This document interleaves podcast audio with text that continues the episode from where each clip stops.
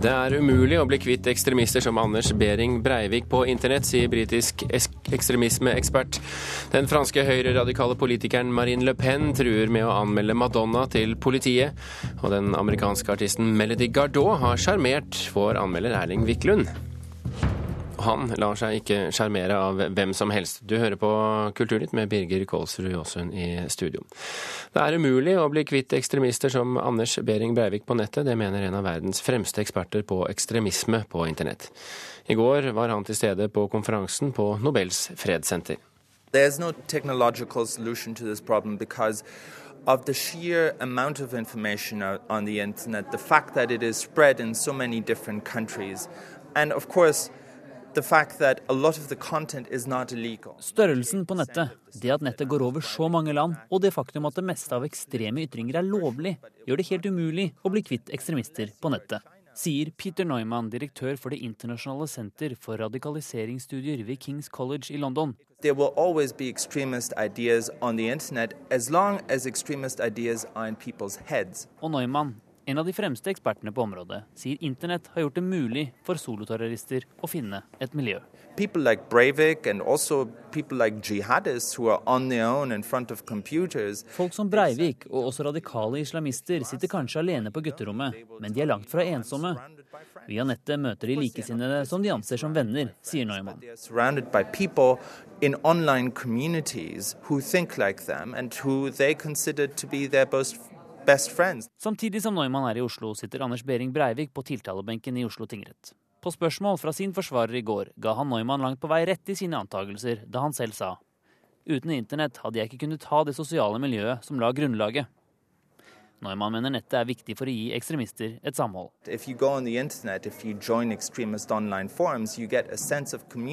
På nettet finner ekstremister hverandre, og de skaper et samhold. You feel like you're part of something bigger. Yeah, why is that important?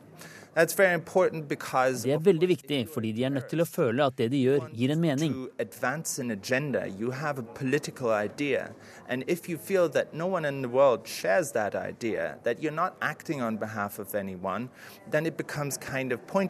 Men samtidig, hvordan skal vi møte de ekstreme på nettet? Og hva skal politiet gjøre? Direktør i Datatilsynet, Bjørn Erik Thon, mener overvåkning er siste utvei. Ja, Det må jo være en uh, veldig høy terskel for at man skal kunne gjøre det. Uh, det er jo slik at uh, det å ha meninger som ikke hører til si det de fleste andre har, og det å ha meninger som går på ytterkanten, det er noe av det folk skal få lov til å ha, uten at de dermed skal havne i politiets søkelys og bli overvåket av den grunn. Ton er redd mer sikkerhet vil gå på bekostning av det åpne, frie samfunn. Ja, altså, jeg tror, jeg tror, vi skal begynne å regulere oss inn i et samfunn som er helt trygt.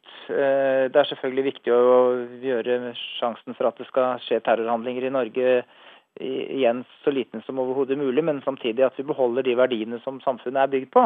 For Hvis vi skal si, eliminere enhver risiko og overvåke oss eh, ut av ethvert problem, så kommer vi til å få et overvåkningsnivå som jeg tror ingen, og det inkluderer nok også politiet, ønsker.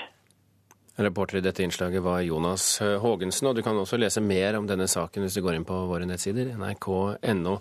Brynjar Lia, seniorforsker ved Forsvarets forskningsinstitutt og forfatter av en rekke bøker om terrorisme. Mange er redde for at mer overvåking på internett vil gå på bekostning av åpenheten i samfunnet. Deler du denne oppfatningen? Ja, altså, Det er mye, mye riktig i det som blir sagt her. Eh, det eneste jeg tenker rundt disse sakene, er at Eh, noe av dette med overvåkning og registrering av, av, opplysninger som vi etterlater oss på nettet, er på en måte litt eh, passé, rett, for, rett og slett fordi at eh, det er så mange private aktører her som faktisk registrerer og lager informasjon om oss når vi bruker nettet, når vi bruker Facebook, Google osv. Og, og, og den informasjonsmengden er så enorm. Og dette er noe som på en måte vi har sett utvikling. Den utviklingen har vi sett egentlig i mange år. En spansk sosiolog skrev om dette allerede på, på slutten av 90-tallet, da han snakket om at vi har ikke lenger den store Big Brother, men vi har de mange Small Sisters. Og med det mente han rett og slett at privat eh, overvåkning, registrering av opplysninger om oss, har, er, på en måte det som skjer i økende grad. Og Og dermed så, så, etterlater vi oss veldig mye informasjon som, som, kan brukes av aktører som vi ikke har kontroll på. Men det er vel forskjell på hvordan Facebook overvåker oss, og hvordan PST overvåker oss? Eh, på en måte, men eh, vi vet jo ikke hvem Facebook deler den informasjonen med. Det kan jo også være etterretningsorganisasjoner rundt omkring i verden. Eh, eller deler det med andre aktører som har helt andre kommersielle interesser og ønsker å bruke den informasjonen til til noe som kanskje ikke vi syns er, er, er, ok. Så jeg, jeg, tror bare at uh, ved å bruke internett så mye så, som vi gjør, og, og, integrere dette så mye i vårt liv, så, så, så, har vi på en måte allerede Toget er allerede gått uh, når det gjelder dette med overvåkning og ikke. Men hvordan forholder norsk politi og rettsvesen seg til ekstremisme på nett, sammenlignet med andre land, la oss si f.eks. USA? Jeg, mitt inntrykk er at i USA er man mer aktiv på, på, nettet når det gjelder å forstyrre eh, og, og eh, gripe inn på hva som foregår på ekstremistiske nettsider. Eh, gjør det vanskeligere å være ekstremist på nettet, rett og slett? Eh, det gjør flere ting. Av og til så, så, hacker de og ødelegger nettsider. Av og til så går de inn og, og sår splid blant eh, ekstremistene ved å legge ut informasjon som, som gjør at ekstremistene blir mer uenige enn de ellers ville ha vært. Eh, og så bruker de ekstremistiske nettsider veldig aktivt i å samle etterretningsinformasjon om, om, ekstremister. Hvordan mener du at politiet her til lands og rettsvesenet for øvrig bør tilnærme seg ekstremisme på internett? Jeg, jeg, skal ikke gi så mye råd, eh, annet enn eh, et forslag som jeg synes høres veldig fornuftig ut, er at uh, man kanskje må også se på andre ting enn det man assosierer med overvåkning og PST sitt arbeid, nemlig vanlig politipatruljering på nett. Der man veileder, der man gir råd, og der man sier ifra hvis folk tråkker over streken, og der publikum kan varsle Eh, dette syns jeg ikke noe om, her truer jeg, blir jeg truet. Og så kan man varsle politiet, og så er dette en, en mer sånn regulær polititing. Kon konstabler eh, som vandrer rundt omkring på nettet, rett og slett? Ja, og man har god erfaring med dette når det gjelder dialoggruppen i politiet, når det gjelder demonstrasjoner osv. Veldig god eh, kontakt der med, med miljøene, og jeg tror noe tilsvarende må man også ha på nettet. Men hva taler for at en bør aksjonere kraftigere mot nettsider med ekstremistisk innhold, og hva taler mot? Altså de... Um, Eh, det er en eh, debatt som har vært i utlandet om eh, viktige ekstremistiske nettsider. Skal man la disse fortsette fordi de er en veldig god etterretningskilde, eller er deres eksistens og virksomhet på nettet så farlig at man egentlig bør stenge det ned? Hvis vi ser på jihadistpropaganda, som jeg kjenner best, så, er det relativt få nettsteder som er veldig viktige. Og det er på en måte fysisk mulig å, å, å stenge de, for en kort periode i hvert fall. Men, men jeg tror eh, erkjennelsen i noen etterretningsmiljøer i utlandet er at, at disse er nyttige i etterretningssammenheng. Kanskje så nyttige at vi bør la de være. Takk skal du ha, Brynja Elie fra Forsvarets eh, forskningsinstitutt, for at du kunne være med i Kulturnytt. Eh, I dag eh, kan vi fortelle i hvert fall at skal det vitne flere personer fra ytre høyrefløy i terrorrettssaken, bl.a. Tore Tvedt fra Vigrid og Ole Jørgen Anfinsen, redaktør av nettstedet Honest Thinking. Det er bare Anfinsens vitnemål som blir kringkastet, men man kan jo lese på alle mulige nettsider alt du trenger å vite.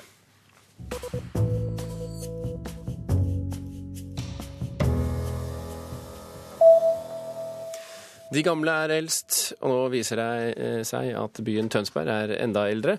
Nye arkeologiske undersøkelser har nemlig avdekket tykke bymessige kulturlag fra 900-tallet i Tønsberg. Det betyr at Norges eldste by er minst 200 år eldre enn historikerne til nå har ment. Forskere har lenge mistenkt at Tønsberg eh, har flere år på nakken enn det skriftlige kan bevise. Det er boreprøver fra Tønsberg sentrum som gjør at eh, arkeologene nå er sikre i sin sak, skriver Aftenposten. Facebook eksperimenterer med løsninger for å åpne nettstedet for barn. Målet er å slippe til barn gjennom brukerkontoene til foreldrene, skriver The Wall Street Journal. Det vil gi foreldrene kontroll over barna sine sider. Facebook har i dag en aldersgrense på 13 år, men undersøkelser har vist at uh, allerede finnes 7,5 millioner yngre barn på Facebook. A census taker once tried to test me. I ate his liver with some and a nice Chianti. Anthony Hopkins vant en Oscar for sin tolkning av Hannibal Lecter i klassikeren 'Nattsvermeren'. Nå blir den ikoniske karakteren dansk, i hvert fall på et vis. Mats Mikkelsen skal spille den superintelligente kannibalen i den amerikanske TV-kanalen NBCs nye serie Hannibal. Til å begynne med skal det spilles inn 13 episoder av serien, der en yngre versjon av Lecter rekrutteres av en uvitende FBI-agent for å jakte på en seriemorder. Klokken er drøyt kvart over åtte. Du hører på Kulturnytt, og dette er toppsaken i NRKs nyhetsbilde akkurat nå. Streik i det offentlige er for å få oppmerksomhet, ikke for lommeboka. Det mener økonomiprofessor ved Norges handelshøyskole. Pårørende og etterlatte etter 22.07-terroren retter formell klage til Erstatningsnemnda. Senere i Kulturnytt skal du få vite hvorfor Erling Wiklund ble så sjarmert av Melody Gardot. Vi skal til Los Angeles, der verdens største spillmesse har åpnet. Andreas Hatzel Oppvik, journalist og anmelder i Filmpolitiet på P3. Hva er E3? Nei, som du sier, så er det jo verdens største spillmesse. Det er litt sånn eh, Hvis en skal sammenligne med noe, så er det kanskje et fesjå det er, en, det er en plass der de viser fram eh, de største spillselskapene viser fram de aller største nyhetene i åra som kommer. Men det er lang vei fra Fesjå på Seljord til Los Angeles. Eh, hvordan ser disse dimensjonene ut f.eks. på en sånn pressekonferanse? Det er jo noe av de største pressekonferansene i, i, verden, og det er mye penger som er lagt inn i det her. Og, og da vil jeg jo selvsagt, når så masse oppmerksomhet er retta akkurat der, altså alle gamere i verden sitter nå og følger med, så vil de eh, vise seg frem på sitt aller beste. Og de velger ikke sånne små lokaler heller. Vi snakker om store konsertarenaer hvor salen er full. Det er LA Convention Center i, i, Los Angeles, som du sier. Og, og ja, det, det, er det største Det er nok, noen av de største konferansene i verden, ja. I går kveld eh, og i natt eh, har det vært eh, pressekonferanser fra de største produsentene du har sittet og fulgt med. Hva er det som har kommet frem så langt? Vel, det kom selvsagt eh, de, de, største nye spillene, eh, en god del. Eh, men, men, det som kanskje er litt interessant, er at f.eks. Microsoft, som da står for Xbox og, og Windows-maskinene, fokuserte veldig lite på spill og veldig mye på Xboxen som et underholdningssenter. Og det er jo egentlig litt interessant at de går litt vekk fra den her spillfokuset, på en måte. Mer i retning av Apple, eller? Ja, Apple er nok eh, en logisk eh, sammenheng, og, og, ikke minst med tanke på at eh, stadig flere eh, velger internett som et sted for å se filmer og, og, leie og laste ned, så er det nok for å eh, prøve å gå til angrep på det, og prøve å, å få så masse innhold via Xboxen som mulig. Hvorfor er E3-messen så viktig for eh, både store og små produsenter, for det er mange små her òg? Det, det, det, er et par små, men det, det er hovedsakelig det her store som, som vil vise seg fram. Og, og altså det, her er såpass viktig eh, pressesett at de, de, sitter nok og holder tilbake et par nyheter i forkant, rett og slett fordi det, er her det, store fokuspunktet er. Det, er her pressen sitter og, og, og, begynner å kåre the best of E3 hvert år. Betyr det at det sitter nå og spillentusiaster over hele verden klare med sine terningkast og sine kommentarer og sine lykkeønskninger? Absolutt. Analysen eh, er allerede i gang for å prøve å finne trender og prøve å finne eh, interessante ting og, og måter denne nye teknologien kan bli brukt på. Da. Så det er Nå sover kanskje et par av dem, for nå er det pause fram til i kveld, før Nintendo sin, sin siste pressekonferanse. Men det er absolutt en god del som har satt opp i natt, ja. Men hvilke trender er det du vil trekke frem, hvis du skal gi et eksempel?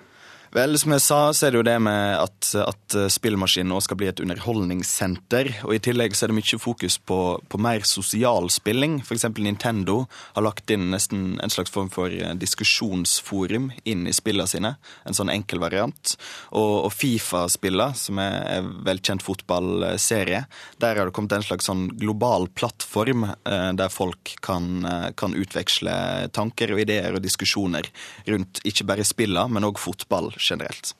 Andreas Hadsel Opsvik, eh, gi lyd fra deg hvis det skjer noe grensesprengende morsomt. Eh, takk for at du kunne være med i Kulturnytt i denne omgang. Takk, takk.